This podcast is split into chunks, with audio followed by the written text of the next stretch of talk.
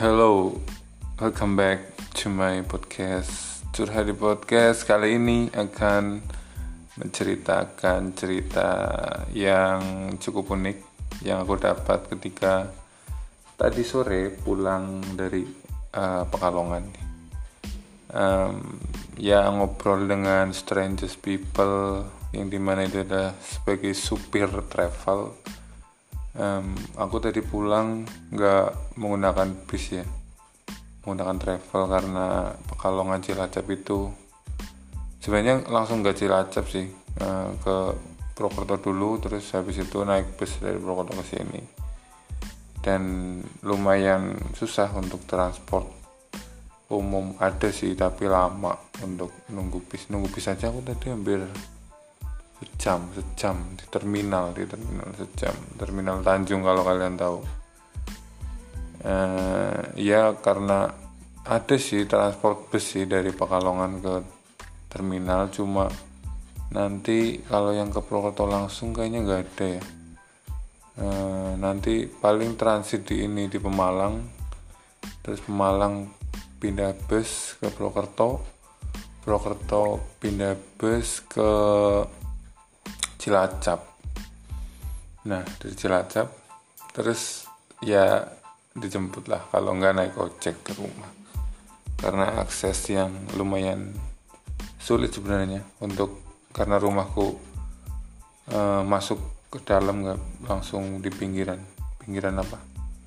Jalan raya yang dilewati bis sehingga cerita ya ngobrol aja gitu sama karena aku duduknya di depan sendiri dan cuma bertiga uh, penumpangnya tiga dan sebenarnya satu.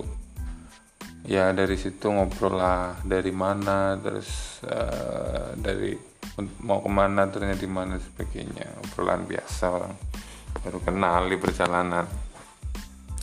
Terus cerita-cerita masalah ya banyak sih masalah uh, apa ya agama juga diceritain itu kayaknya setiap pertemuan enggak setiap pertemuan sih. Beberapa orang itu uh, di tongkrongan atau di obrolan selalu diselipi dengan istilah uh, dosa dan bahal. Itu karena ya mungkin topik yang universal dan semua ya punya itu juga jadi ya bisa beropini lah sampai akhirnya beliau cerita uh, ya aku tanya sih uh, sebelumnya ini kerja apa pak sebenarnya? Saya supir mas. Supir di mana? Supir di Kuwait. Kuwait? Kuwait pak. Iya Kuwait ya. oh di Kuwait? Eh sebelum bukan itu sih. Sebelumnya dia dia bilang supir supir doang tapi tapi enggak nggak nggak nyebutin di Kuwait. Terus sampai akhirnya dia dia buka obrolan. Mas ngerti lah um, uang uang ter apa ya? Uang tertinggi maksudnya kalau dikonversikan ke rupiah itu apa mas? Aku mikir setauku pound sterling sih pak. Pound sterling berapa? 20 ribu. Terus dia ngomong ah itu setengahnya mas. Ah setengahnya? Emang ada mata uang lain yang lebih dari 20 ribu. Terus dia bilang itu coba mas masnya google Kuwait apa sih namanya? Dirham Kuwait ya kalau nggak salah. Iya dirham Kuwait. Um, berapa mas coba? Aku kepo lah terus aku searching. Dan kalian tahu berapa satu dirhamnya? 46 ribu cuy. Dan aku kaget kan 46 ribu. Gila. Mata uang apa nih? Terus aku, oh, bapaknya bisa tahu sih. Iya mas. Aku dulu nyupir di ini di Kuwait. Hah? di Kuwait.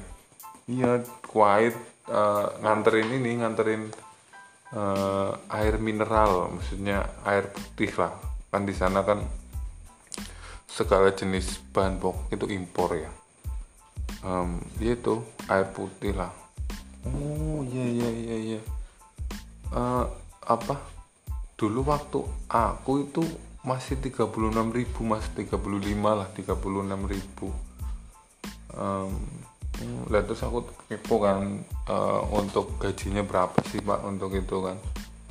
Gajinya dia bilang 300 dirham dan jika dikonversikan 300 400 ya 400 400 400 itu dirham Kuwait um, dikonversikan ke rupiah. Kalau zaman itu ya hampir 12 juta ya kalau nggak salah. 12 juta itu sebulan. Dan apa ternyata um, tidak semudah yang aku bayangkan karena dia itu uh, ngirim dari ya Kuwait terus ke ya Timur Tengah lah Bangladesh juga. Terus dia juga cerita pernah li, lewat ke Masjidil Aqsa apa ya kalau salah. Dua kali dan sebagainya. Dan itu menggunakan truk truk ya truk truk tank tangki kayak Pertamina gitu. Dan isinya air galon. Dan kalian tahu berapa sekali kirim itu? Dia bilang hampir sampai seribuan mobil seribuan truk dan itu dikawal dengan uh, mobil militer mobil tank-tank itu loh. Aku sempat searching sih untuk untuk perusahaannya katanya namanya apa ya bentar lupa aku. Perusahaannya itu perusahaan Amerika kalau nggak salah deh. Nah terus di sana aku aku kepo juga kan. Lah itu berarti pas ini dong pak. Maksudnya um, zona perang ya kalau di Timur Tengah kan di Bangladesh Irak. Iya mas kalau itu wah ngeri sempet. Katanya uh, mobilnya itu kena roket cuy. Roket cuy bukan roket gila kan kena roket dar untung nggak pecah maksudnya untung nggak nggak sampai meledak loh cuma belakangnya doang bagian belakang roket di bagian belakang mobil yang kena roket. Der. Nah um, ya itulah salah satu pengalamannya dia melihat uh, kejadian langsung itu juga. Um, banyak juga katanya yang orang Indonesia sopirnya aku tanyakan lah bapaknya itu berapa orang dari sini? Gitu. Ada 13 orangan lah 13 orang masih di sini dari Indonesia gitu. Orang Sumatera terus orang Jawa juga. Sumatera Jawa sih dia bilangnya kayaknya deh. Itu 13 dia uh, di sana tahun 2005 katanya. 2005 sudah bawa itu bawa apa?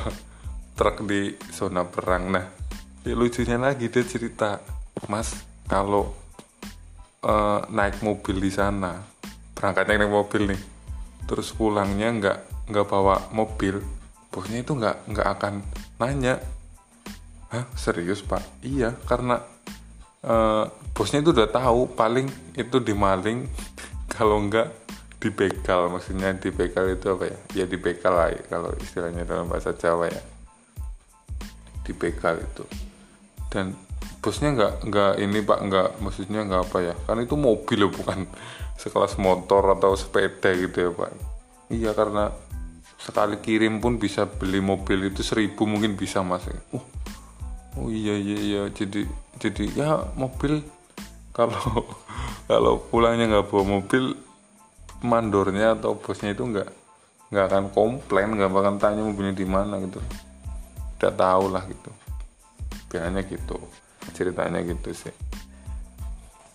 Harus banyak cerita lagi uh, tentang apa ya apalagi ya um, iya untuk apa? Harga oh ya aku kan tanya Pak untuk harga uh, solar itu di sana berapa Pak? Kan di sana kan penghasil tambang ya penghasil tambang terbesar. Yang maksudnya tambang minyak lah. Minyaknya kan luar biasa di timur tengah itu kan Pak ya terus dia bilang kalau pas di Indonesia itu harganya 2500 kalau nggak salah. Di sana itu 150 rupiah masih Hah, 150 iya mas. 150 rupiah. Soalnya aku sempat dulu kan kalau keluar keluar apa? Keluar maksudnya keluar luar gitu lah. Maksudnya nggak nggak nggak boleh bawa tank kan nggak boleh bawa truk kan untuk main-main ibaratnya cari angin dan sebagainya jadi biasanya pinjam mobil mas. Nah aku sempet uh, ngisi sendiri. Kalau mobil mobil pinjam sendiri kan nggak nggak nggak nggak nggak bisa ngisi di ini di perusahaan ngisi ngisi solar atau minyak gitu kan. Tinggi sendiri mas itu. Itu 150 perak di sana untuk harga solar waktu itu 2005 2005 2006 lah. Itu. Nah uh, apa namanya. Uh, apa lagi? Ya? iya karena uh, tapi untuk untuk truk untuk truk perusahaan biasanya itu dia uh, ya dari perusahaannya sendiri sih. Bukan di di di beda beda ngisinya kayak di sini katanya. Kayak itu kayak kayak kalau ngisi after gitu loh. Cerobongnya gede jadi kan ngisi seribu truk itu ya. Ngisi full semua kan itu nggak nggak kayak sini mas. Kalau kayak sini di pom bisa makan waktu itu seharian lebih itu gitu kan. Oh iya mbak bener emang sih. Kalau emang uh, untuk model di kita kan bolongannya cilik ya. Di sana itu bolongannya gede. Jadi langsung apa? Langsung ini langsung langsung cepet lah intinya dia cerita di sana hampir berapa 30 bulan apa ya kalau nggak salah 30 bulan. Dan dia balik baliknya pun dia nggak bilang. Katanya kan kalau kalau keluar masuk kan dicap ya ini ya. Nah mungkin ada jatahnya tuh eh, paspornya atau mungkin surat kerjanya berapa puluh kali cap gitu kan. Nah selesai dia selesai terus eh, apa pergi keluar nyari taksi ke bandara habis di bandara dia telepon komandornya Dor aku balik. Wah, balik mana ini lagi cek poin gitu kan. Nah setelah itu dia kan matiin HP nih karena karena akan masuk pesawat jadi tapi jadi ini jadi apa nggak um, bisa ngubungin lagi gitu loh. Itu ceritanya. Dia itu pulang karena karena dia bilang wah mas emang sih gajinya lumayan sebulan. Cuma um, itu uh, apa ya taruhannya nyawa mas. Bukan apa-apa karena ya aku di rumah punya anak istri dan sebagainya. Dan juga uh, setorannya udah kelar katanya udah kelar. Uh, menarik banget sih. Ya itu sih. Um, nggak nggak nyangka aja maksudnya bapak itu punya pengalaman yang sampai uh, yang tidak pernah terpikirkan itu ya itu kan uh, banyak kan nonton cuma di TV di ya, tentang isi. Dia bilang juga apa ngerinya itu mas ketika ISIS mulai datang. Soalnya kan ISIS mulai datang itu lebih kejam ketimbang uh, apa ya teroris di sana. Maksudnya kelompok-kelompok Islam apa sih radikal di sana itu mas. Itu itu lebih ngeri katanya ISIS. Jadi dia pulang pas ISIS datang itu kan itu dia juga bilang kalau di sana wah uh, apa ya hidupnya nggak tenang dalam artian uh, selalu was-was tahu-tahu lagi nonton TV ada roket di atas rumah atau apa atau tank gitu suara tank kan. Ngeri ngeri. Ngeri ngeri di sana ngeri katanya gitu sih. Iya sih ya emang dari sumber-sumber pun seperti itu. Tapi ini langsung dari pelaku pelaku apa ya? Ya pelaku di sana saksi mata saksi hidup bekerja di Kuwait itu kan.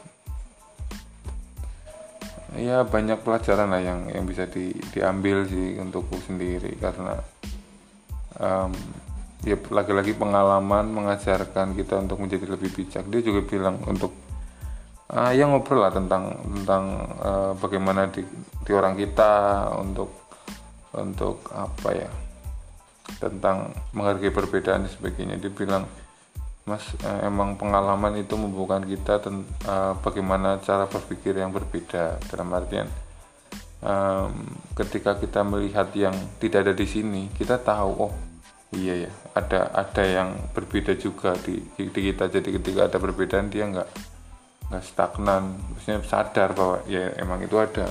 Adanya kayak gitu gitu. Jadi lebih bijak lah kata-kata orangnya. Gitu. Ya sih aku juga merasakan seperti itu sih untuk untuk apa ya?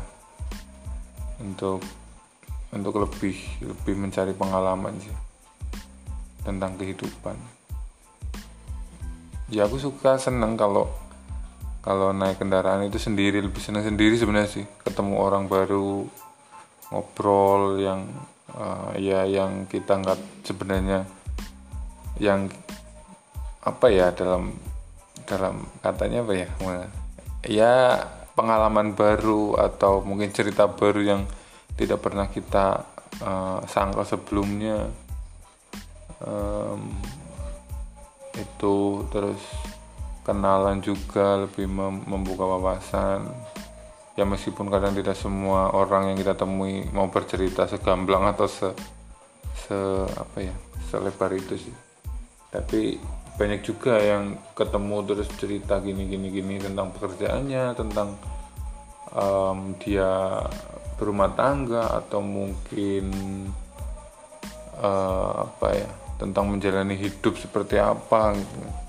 sempat aku ketemu um, di kereta sih di kereta pas pulang ke sini uh, dia istrinya di Solo orang Cilacap. Ya dia bicara ngalur gitu lah cerita ngalur gitu sampai akhirnya um, aku menyeletuk. Nih mas kan masnya udah nikah nih bagaimana sih mas uh, anda menjalani kehidupan pernikahan? Dia, dia ngomong apa bahwa ya itu nikah emang emang emang emang ada asiknya ada tantangannya sih mas. Tapi kebanyakan ada tantangannya mas.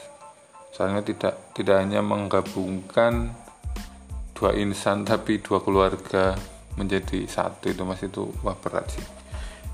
Terus dia bilang oh kalau aku ya mas ya uh, aku dan istriku punya komitmen sih sebelum kita menikah bahwa boleh keluarga campur tangan. Keluarga besar lah ya terutama. Um, bapak ibu sih terutama sih. Terus kemudian keluarga besar mungkin. Dia itu boleh untuk mengurusi keluarga kita. Tapi lagi-lagi untuk keputusan uh, tentang masalah entah pilihan itu dari kita. Maksudnya dari si bapak dan masnya dan istrinya gitu loh. Uh, biar tidak ada apa ya maksudnya diskusi kembali antara mereka berdua tentang tentang keputusan apa yang akan diambil um, menjadi lebih lebih netral dan tidak memihak. Kan kadang ada yang uh, wanita atau cowok terus memihak ke keluarganya banget tanpa melihat ke keluarga lawa istrinya atau suaminya gitu. Ya di situ sih mungkin ya karena jujur uh, mungkin untuk sekelas umurku memang sudah banyak yang menikah.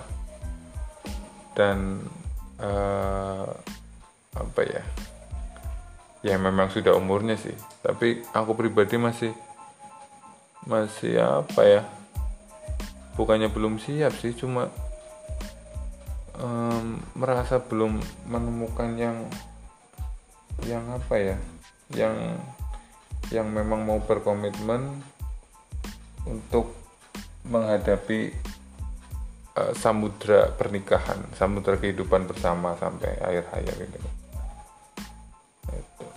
Iya banyak sih belajar dari orang-orang terdekat lah tentang pernikahan itu kan uh, ya mulai belajar lah bagaimana mereka menjalin komunikasi terus uh, menghadapi masalah ini itu terutama uh, ekonomi sih kalau aku lihat dari beberapa kasus permasalahan di keluarga sih ekonomi. Kemudian uh, ada ya campur tangan keluarga besar pasti sih tapi ya bagaimana kita me, apa ya namanya mendiskusikan kembali dengan ya komunikasi lebih penting kata kata temanku kata semplo. Itu sudah menikah teman SMA sih. Komunikasi yang penting guys. Jadi antara kalian berdua. Yaitu tips beberapa tips tentang bagaimana menikah sih. Meskipun aku belum pernah menikah cuma ya aku melihat dari cerita orang dan pengalaman orang lain sudah menikah ya banyaklah ketika kita um, kembali lagi ketika kita ngobrol dengan orang baru pengalaman baru terus cerita baru perspektif baru itu sangat kaya sih. Senang senang aku senang. Senang untuk itu ya mungkin udah ya. Udah dulu lah. Capek. Terima kasih teman-teman sudah mau mendengarkan uh, mendengarkan obrolanku curhatanku tentang Eh, cerita-cerita uh, baru dari orang-orang baru. Tipsnya untuk kalian mungkin iya sih lebih lebih apa ya lebih kepo lah dengan orang baru lah. Serius itu sangat memberikan kita apa ya banyak banget cerita banyak banget perspektif. Entah apa aja sih yang paling obrolin. Yang tidak tidak kalian duga-duga oh iya iya sih emang sih oh gitu ya. Nggak gitu sih gitu kan. Ya kita saling saling tukar ide dan uh, cerita sih. Itu aja sih guys. Thank you guys sudah mendengarkan. Mungkin kalau ada kekurangan atau kesalahan atau perspektif baru bagi anda bisa untuk komen di bawah ini. Bisa juga follow instagramku ya Arief Roh gambarnya kucing tak privat. Soalnya banyak banget endorse ya bukan endorse sih. Akun-akun jual beli yang aku tidak suka untuk follow Instagram. Untuk Twitter Ariyef underscore Rohman 03 lumayan aktif di Twitter. Untuk Facebook jarang banget sih Facebook kan. Hampir nggak pernah sekarang. Kalau Facebook kalau boleh Ariyef Roh Rochman. Ya Allah lebay. Itu karena tidak bisa diganti lagi dan itu bawaan SMA ya. Karena SMA you know masih uh, alay lebay lah dalam tanda kutip. Dan sampai ke nama pun mengikuti kelebihan kita. Itu itu guys. Thank you for all and don't forget to be happy. Um, tetap semangat menjalani hidup. Dan jangan mudah menyerah guys. Kalau capek pun istirahat aja nggak apa-apa slow slow slow santai. Hidup cuma sekali. Kalau sulit cari yang lain yang lebih mudah. Kalau memang cari yang lebih sulit untuk meningkatkan apa ya uh, apa ya namanya meningkatkan diri anda nggak apa-apa terserah itu pilihan anda sih. Udahlah capek bye